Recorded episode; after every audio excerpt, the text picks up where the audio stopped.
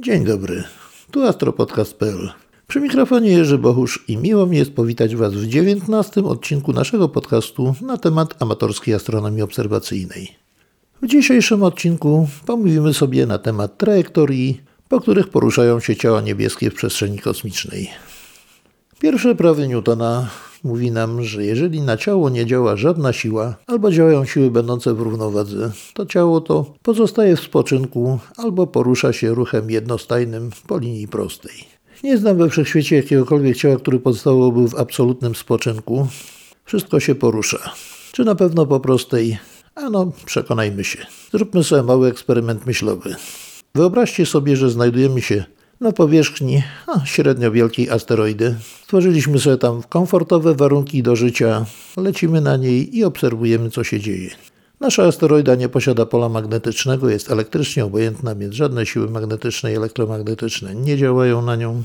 Porusza się praktycznie w absolutnej próżni, więc nic nie hamuje jej ruchu. Teoretycznie powinna posuwać się do przodu po linii prostej ze stałą prędkością, tak jak mówi nam pierwsze prawo Newtona. Czy jednak tak jest naprawdę? No niestety nie. Zapomnieliśmy bowiem o wszechobecnej grawitacji, czyli przyciąganiu się wzajemnym dwóch ciał posiadających masę. Nie wiem dlaczego, z jakiej przyczyny, więc nie powiem Wam, ale każde ciało, obojętnie jak czego by nie było zbudowane, jeżeli tylko posiada masę, oddziałuje pewną siłą przyciągającą na inne ciała. Siła ta jest tym większa, im bardziej masywne są te ciała, a tym mniejsza, im dalej są od siebie oddalone. Czyli mówiąc bardziej fachowo, jest wprost proporcjonalna do masy obu ciał przyciągających się, a odwrotnie proporcjonalna do kwadratu ich odległości. Jeżeli działa jakaś siła, to następuje oczywiście przyspieszenie. Jeżeli siła działałaby wzdłuż naszego kierunku lotu, zmieniłaby się tylko prędkość, w tym przypadku zwiększyła albo zmniejszyła. Jeżeli ta siła działa z boku, a przecież w naszej podróży mijamy wiele gwiazd, galaktyk, gromad gwiazd, mówiąc masywnych obiektów, przyciągając nas, zmieniają także kierunek naszego lotu. Po jakiej zatem trajektorii będziemy się poruszali, lecąc na, na naszej asteroidzie w przestrzeni międzygwiezdnej? Ano będziemy się poruszali po krzywych stożkowych. Cóż to takiego jest krzywe stożkowe? Już za chwilę do tego dojdziemy. Dla przypomnienia, jeżeli ktoś nie pamięta, co to jest stożek, to na pewno pamiętacie, jak wyglądają wafelki do lodów. Takie spiczaste, które trzeba trzymać w dłoni, zakończone na dole ostrym czubkiem, których nie można na niczym postawić, dopóki się tych lodów po prostu trzeba je zjeść. Ten właśnie powierzchnia tego wafelka to jest stożek powierzchnia stożkowa. Podstawą stożka jest zawsze okrąg, czyli potocznie zwany kołem. Linia poprowadzona prostopadle ze środka okręgu do wierzchołka tego stożka, czyli do tego szpica, nazywa się osią stożka. Natomiast z każdego punktu okręgu do tego szpica, czyli do wierzchołka stożka, możemy poprowadzić linię prostą, która będzie nazywała się tworzącą stożka.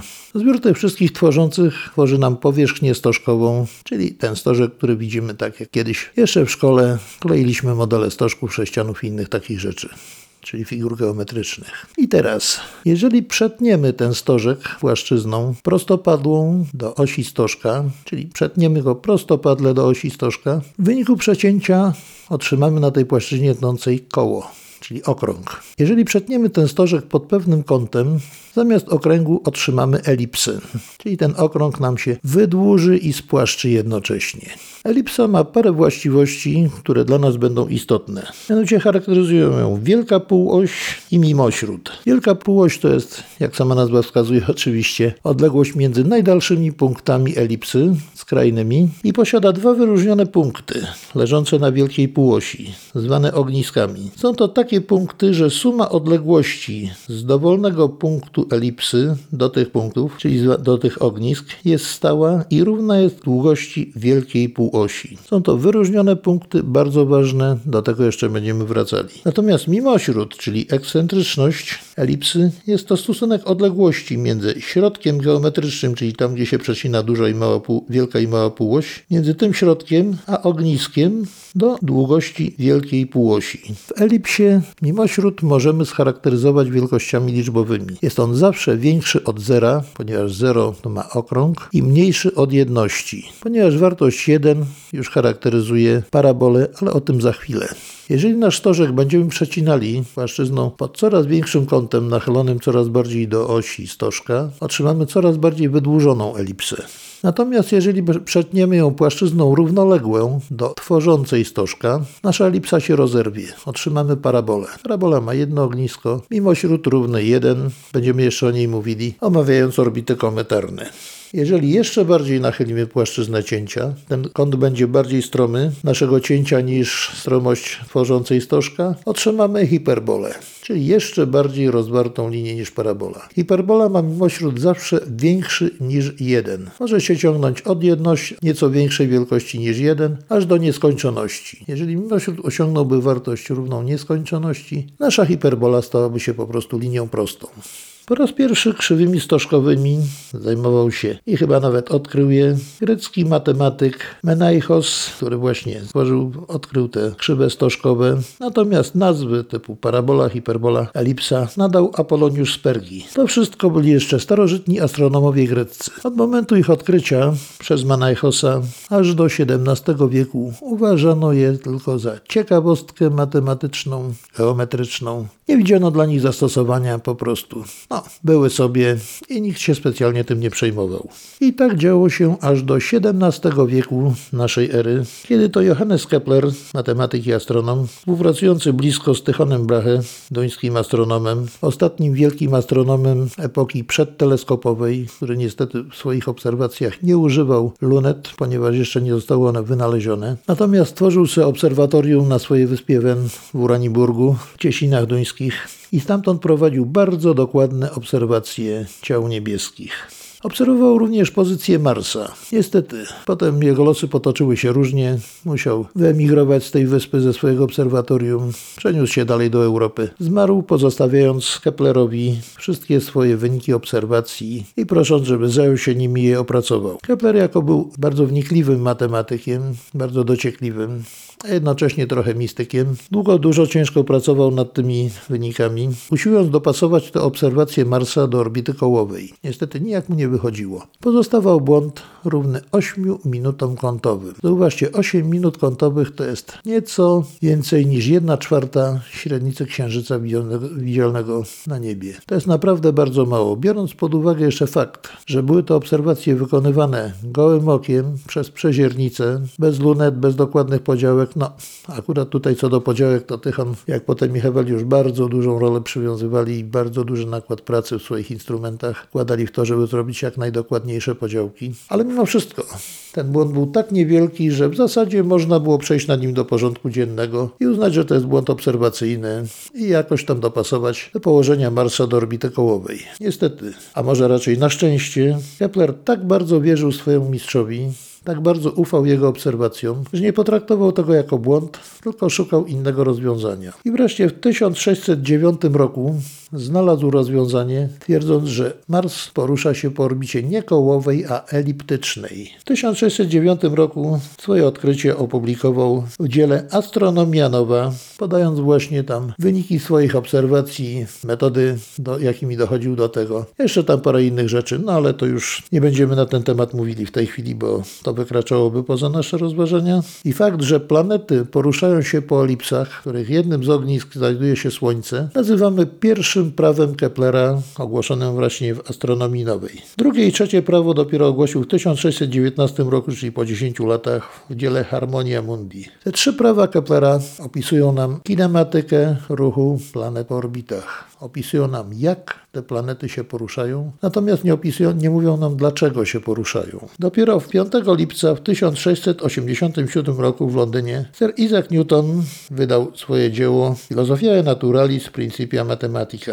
Jest to dzieło fundamentalne dla mechaniki nieba i w tym swoim dziele zawarł również swoje trzy prawa dynamiki, zwane trzema prawami Newtona, którym pierwsze żeśmy zacytowali. Od tamtego czasu właśnie prawa Newtona, zasady jego dynamiki, łącznie z prawami Keplera, stały się fundamentem współczesnej mechaniki nieba. I tak było do czasu, kiedy Einstein ogłosił swoją ogólną teorię względności, która po pozwala badać w jeszcze subtelniejszy sposób nawet ewolucję orbit planetarnych, kometarnych i innych ciał niebieskich. ale to już wykracza po, poza nasze rozważania, o tym sobie może kiedy indziej powiemy.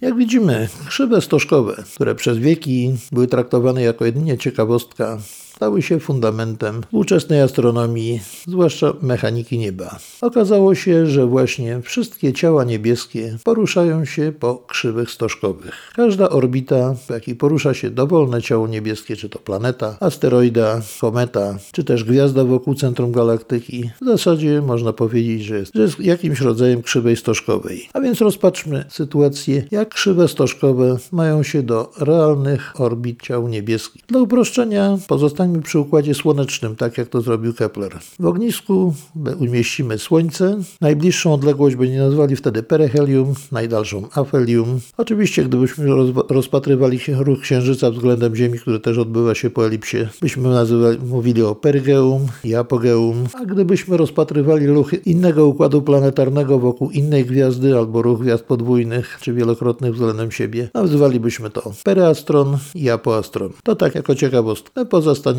przy naszym Słońcu, naszym Układzie Słonecznym, żeby było bardziej swojsko i będziemy używali nazewnictwa takiego, jakie obowiązuje w Układzie Słonecznym. Zacznijmy od orbity kołowej. Przez całe wieki, aż do czasów właśnie Keplera, uważano, że wszystkie ciała niebieskie, cała maszyna niebios porusza się po okręgach, ruchem jednostajnym. Starożytni Grecy, którzy geometrię wznieśli na wyżyny nauki, uważali okrąg za figurę doskonałą. Rzeczywiście jest elegancka, ale jego właściwości bardziej im jako naukowcom odpowiadały. Z punktu widzenia matematycznego ma swoje zalety i wady. Okrąg ma mimośród równy 0, ponieważ ogniska, jakby tak, jak, gdyby takowe istniały, pokrywają się ze środkiem okręgu, a każdy punkt na, na okręgu jest równo odległy od środka tegoż okręgu. A ponieważ niebo uważano za siedlisko bogów, a bogowie zawsze byli do, uważani za doskonałych, więc też wszystko, co się poruszało na niebie, musiało być doskonałe i poruszać się po doskonałych figurach, czyli po okręgach. Niestety, wszystkie planety, łącznie ze Słońcem, Księżycem, wyłamywały się z tego doskonałego ruchu, jaki wykonywała sfera gwiazd stałych, błądząc sobie po niebie pomiędzy gwiazdami, raz do przodu, nawet wstecz, posuwając się, zatrzymując. Dlatego nazywano je planetami, czyli wędrowcami. Planos, błądzy z greckiego. Żeby wyjaśnić ruch tych planet i żeby dopasować go do ruchu po okręgu, już Hiparch po nim to rozwinął Ptolemeusz karkołomną teorię geocentryczną, która używając kół dużych i małych, obracających się względem siebie i na sobie, jakoś usiłowała wyjaśnić i umożliwić obliczenie położenia planet w danym momencie i na przeszłość, czyli określenie. Nawet nasz wielki astronom Mikołaj Kopernik, który w swoim fundamentalnym, przełomowym dziele ogłosił teorię heliocentryczną, uważał, że planety poruszają się po okręgach. Oczywiście dzięki teorii heliocentrycznej wszelkie obliczenia okazały się o wiele prostsze dotyczące po pozycji planet. Bardzo łatwo było wyjaśnić tej teorii dziwaczne ruchy planet na niebie, którymi tak trudno mogli się uporać Grecy, ale nawet on, żeby dopasować obliczenia teorii musiał stosować do tych okręgów pewne małe okręgi, jeszcze zwane epicyklami, żeby to wszystko grało i obserwacje zgadzały się z obliczeniami. Oczywiście nie umniejsza to znaczenia ani samego astronoma, ani jego dzieła. Po prostu w czasach Kopernika jeszcze nieznane były orbity eliptyczne. Dopiero Kepler ustalił na podstawie swoich badań, że planety nie poruszają się po okręgach, a po elipsach i w tym momencie wszelkie deferensy, epicykle i inne te koła, których używali Grecy, a także którymi, którymi posługiwał się Kopernik, okazały się zupełnie niepotrzebne i nastąpiła już nowa era w badaniu ruchu planet po orbitach wokół słonecznych. A skoro w naturze nie występują orbity kołowe, przejdźmy do orbit eliptycznych. Okazuje się, że wszystkie ciała niebieskie Układu Słonecznego, wszystkie planety, asteroidy, większość komet obiega Słońce po orbitach eliptycznych. Jak mówiłem wcześniej, okrąg ma mimośród równy 0, natomiast elipsa ma mimośród większy od zera i mniejszy od jedności. W dzisiejszych czasach, kiedy wszystkie planety, większość planetoid obserwowana jest z dużą dokładnością ciągle, znamy bardzo dokładnie parametry orbit wszystkich ciał Układu Słonecznego i możemy z dużą dokładnością obliczać ich położenie w dowolnym momencie czasu, wiedzieć gdzie będą w danym momencie, w którym punkcie swojej orbity i gdzie ich szukać na niebie.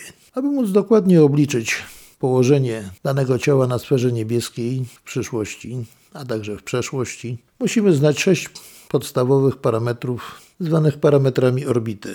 Mianowicie mimośród, odległość peryhelium, czyli najmniejszą odległość, do jak, na jaką zbliża się ciało niebieskie do Słońca, inklinację, czyli nachylenie płaszczyzny orbity tego ciała do płaszczyzny ekliptyki, Długość węzła wstępującego, czyli odległość przecięcia się płaszczyzny orbity naszego ciała płaszczyzną ekliptyki, czyli odległość tego miejsca od punktu barana, który jest punktem początkowym w tych obliczeniach, a także długość peryhelium, czyli odległość peryhelium od punktu barana, czyli tak samo od początku tego układu współrzędnych.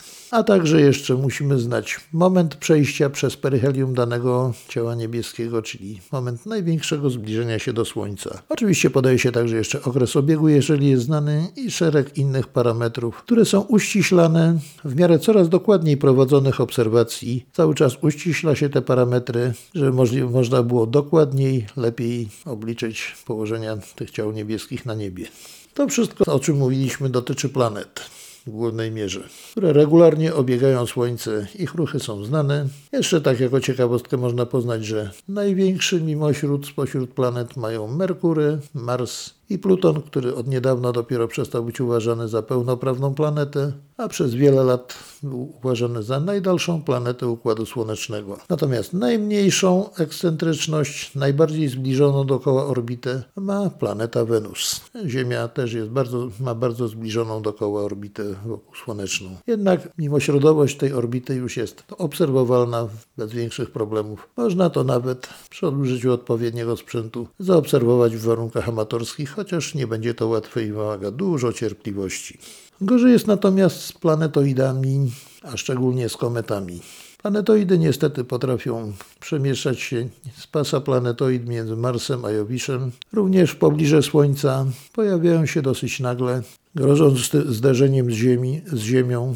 Dlatego szczególnie trzeba je obserwować i dokładnie przeliczać parametry ich orbit żeby ewentualnie wiedzieć, czy kolizja nastąpi, czy nie. A także z kometami, które oprócz tych okresowych, krótkookresowych, które są znane orbity, obserwowane na długich odcinkach czasu już współcześnie, dokładnie policzone i łatwo można ich efemerydy policzyć. Natomiast gdy kometa przybywa z dalekich peryferii Układu Słonecznego, jej parametry orbity są mało znane.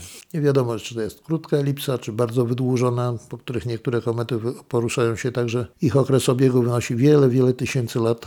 Dlatego od samego początku badań kometarnych ich orbitę początkowo przyjmuje się jako parabolę. Dlaczego? Dlatego, że ich ruch jest ich trajektoria jest w zasadzie zbliżona do paraboli, natomiast parabola ma, mając mimośród równy 1 i tylko parabola ma taki mimośród, bardzo upraszcza obliczenia, ponieważ jeden parametr jest znany, przynajmniej z założenia, a liczba 1 jest bardzo przyjazna w obliczeniach i łatwa. Także dla ułatwienia początkowych obliczeń przyjmuje się, że kometa czy taka asteroida porusza się po paraboli i w miarę im bliżej jest Słońca, bliżej Ziemi, im łatwiej ją się obserwuje, dokonując coraz nowszych obserwacji, uściśla się czy to jest rzeczywiście parabola, czy też jest bardzo wydłużona elipsa, a może nawet hiperbola. Po wielu obserwacjach, najczęściej po jeżeli jest krótkookresowa, to po kilku powrotach określa się już dokładnie orbity kometarne i wtedy można podać ich parametry już dokładnie i dokładnie przewidzieć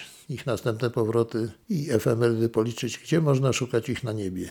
Oczywiście to jest dla komet krótkookresowych, które były już wielokrotnie obserwowane. Natomiast gorzej jest z kometami jednopojawieniowymi, długookresowymi, które obserwujemy na krótkim odcinku ich trajektorii w pobliżu Słońca, gdzie parabola hiperbola i elipsa bardzo niewiele różnią się od siebie. Wymaga to bardzo precyzyjnych obserwacji, bardzo żmudnych obliczeń, żeby określić kształt i charakter ich orbit. Dodać do tego jeszcze należy, że grawitacja wielkich planet, szczególnie Jowisza, a także Saturna, Urana, Neptuna, potrafi bardzo radykalnie zmienić trajektorię lotu komety. Jako, że jest lekka, łatwo ją przyciąga, ma małą bezwładność, małą masę, łatwo zmienić jej kierunek. I tak też się dzieje. Chociażby przykładowo kometa Lexela, która Jowisz przy, przy każdym zbliżeniu była, była początkowo długookresowa. Jak odkryto, to już była krótkookresowa i przy każdym zbliżeniu do Jowisza Jowisz zmieniał jej parametry ruchu i parametry orbitalne, także przerzucał ją z kilku lat do kilkunastu lat, kilkudziesięciu. To wszystko wiemy z obliczeń wykonanych na podstawie obserwacji tej komety, aż wreszcie najprawdopodobniej wyrzucił ją poza Układ Słoneczny, przekształcając jej orbitę z eliptycznej w hiperboliczną.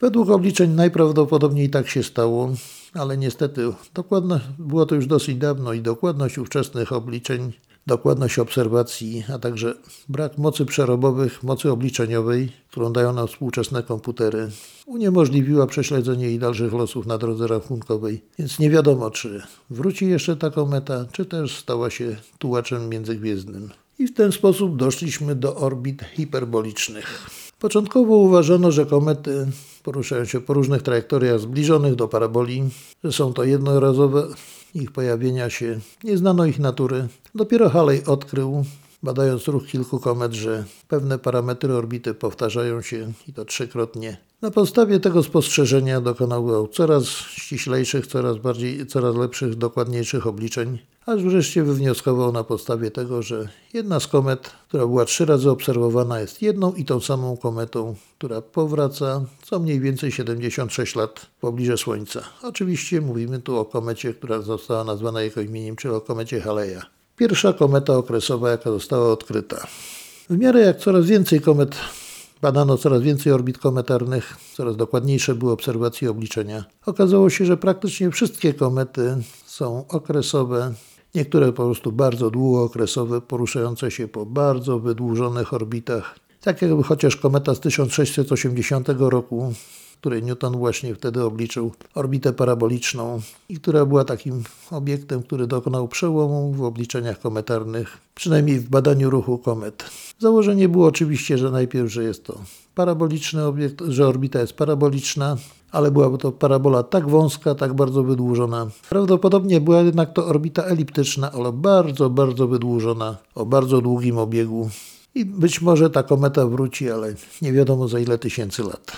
Skoro jesteśmy jeszcze przy ruchu ciał niebieskich wokół Słońca, zarówno na orbitach eliptycznych, jak i parabolicznych, a także hiperbolicznych, możemy zauwa- zauważymy jedną rzecz, że ciało niebieskie im bliżej jest Słońca, tym porusza się szybciej, żeby maksymalną prędkość osiągnąć w peryhelium, czyli będąc najbliżej Słońca. Że tak się dzieje, nie tylko wiemy z obserwacji, ale wystarczy popatrzeć na schematyczny rysunek ciała niebieskiego krążącego po eliptycznej orbicie wokół Słońca. I zarówno z drugiego prawa Keplera, jak i z trzeciego prawa Newtona dotyczącego grawitacji. Od razu widać, że właśnie tak musi być, że ciało niebieskie, zgodnie z rozkładem sił przyciągających, zgodnie z prawami Newtona, a opisanym wcześniej ruchem przez Keplera, będzie się poruszało zawsze najszybciej w pobliżu peryhelium, najwolniej zaś w pobliżu afelium. Po minięciu peryhelium ciało zwalnia, żeby najmniejszą prędkość osiągnąć w momencie tego punktu przegięcia tam daleko na orbicie, kiedy zaczyna z powrotem wracać, zaczyna przyspieszać. Czasami przy bardzo wyciągniętych orbitach, gdzie komety bardzo blisko przechodzą Słońca, bo mówimy o kometach w tej chwili, następuje to tak szybko, że w ciągu dosłownie bardzo króciutkiego czasu kometa znika za Słońcem z jednej strony, a pojawia się po chwili, po dosłownie bardzo krótkim, kilkudniowym okresie albo nawet szybciej, pojawia się już po drugiej stronie Słońca i oddala się od niego coraz bardziej, jednocześnie zwalniając swój ruch. A skoro doszliśmy już do orbit, to taka dygresja na temat dynamiki. Skoro doszliśmy już do orbit hiperbolicznych, okazuje się, że jednak nie wszystkie ciała niebieskie, szczególnie te drobne ciała niebieskie, docierające do Słońca, należą do naszego układu słonecznego.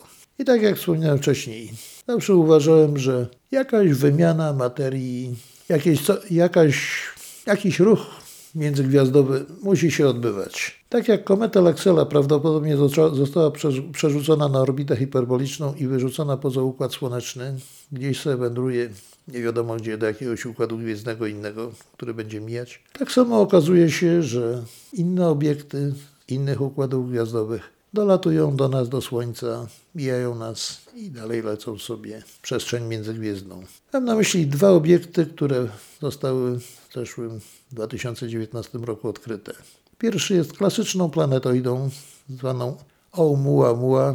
To jest z, języku, z języka mieszkańców Hawajów, rdzennych mieszkańców Hawajów. Stąd ta dziwna nazwa. I oznaczony jest jako 1i, czyli interstellar, międzygwiazdowy. Jest to klasyczna planetoida, nie wykazująca mimo do, do, dokładnych obserwacji żadnej aktywności kometarnej. Prawdopodobnie bryła skalna czy skalno-żelazna. Natomiast obiekt 2i, czyli kometa Borisow, odkryta przez Borisowa, jest to klasyczna kometa, która mimo, że jest słabo, słabym obiektem na niebie, ale wykazuje wszystkie cechy kometarne, więc zarówno głowę, jądro, jak i krótki warkocz. Poglądając na schemat ich ruchu, narysowane trajektorie, od razu było widać na pierwszy rzut oka, że nie poruszają się po elipsach ani po parabolach, tylko po szeroko rozwartych hiperbolach. Czyli mimo wśród każdej z nich był dużo większy od jedności. Wszystkie ciała takie międzygwiazdowe, które poruszają się, akurat mamy tutaj te dwa przypadki, bardzo intensywnie badane również przez naszych polskich astronomów, którzy, którzy położyli duże zasługi na polu ich badań. Prowadzili wnikliwe obserwacje na wielkich teleskopach, nawet dostali na to bardzo dużo czasu obserwacyjnego przydzielonego do tych wielkich teleskopów. W tej chwili na razie zakończymy na tym, że powędrowały se, poszybowały dalej do gwiazd. Co się okazuje? Nie wiemy skąd przybyły, z jakiego układu gwiazdowego i dokąd zmierzają. Po prostu minęły nas. Ponieważ przy ich stosunkowo niewielkiej prędkości, biorąc pod uwagę kierunek, z którego przybyły, nie jesteśmy w stanie określić, z jakiego układu przybyły, ponieważ wszystkie gwiazdy poruszają się razem z galaktyką w miarę ich obrotu, poruszają się względem siebie i już dawno zdążyły zmienić położenie, zanim te obiekty doleciały do nas. Także w tej chwili nie można jednoznacznie powiedzieć, z jakiego układu gwiazdowego te obiekty przyleciały. Tak samo biorąc pod uwagę kierunek, jaki uzyskają po minięciu Słońca, a zmieniają ten kierunek oczywiście, ponieważ ta hiperbola jednak się zakrzywia, mimo że bardzo rozwarta, polecą gdzieś w stronę innych gwiazd, ale do których dolecą, tak samo nie jesteśmy w stanie określić. Po prostu międzygwiazdowi tułaczy. Ale cieszę się, że przyleciały do nas że potwierdziły to, że następuje wymiana obiektów również między układami gwiazdowymi, między układami planetarnymi poszczególnych gwiazd. Taka moja własna radość.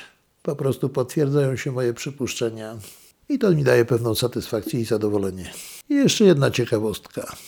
Jak wspomniałem na początku, jeżeli mimo śród hiperboli wzrośnie do nieskończoności, uzyskamy linię prostą. Tą, od której żeśmy zaczęli nasze wywody omawiając pierwsze prawo Newtona. Oczywiście, jak widzimy, po prostej raczej nic się nie porusza po idealnej prostej, chociażby ze względu na działanie grawitacyjne. Jednak tenże sam Kepler, który określił orbity planet i innych ciał niebieskich wokół Słońca jako eliptyczne, sam uważał, że zgodnie z jego słowami komet we wszechświecie jest jak ryb w oceanie, a każda porusza się po linii prostej, dowolnie usytuowanej w przestrzeni. I tutaj koło nam się zamyka. I to już wszystko na dzisiaj. Słuchajcie astropodcastu.pl. Jak zawsze zapraszam do komentowania.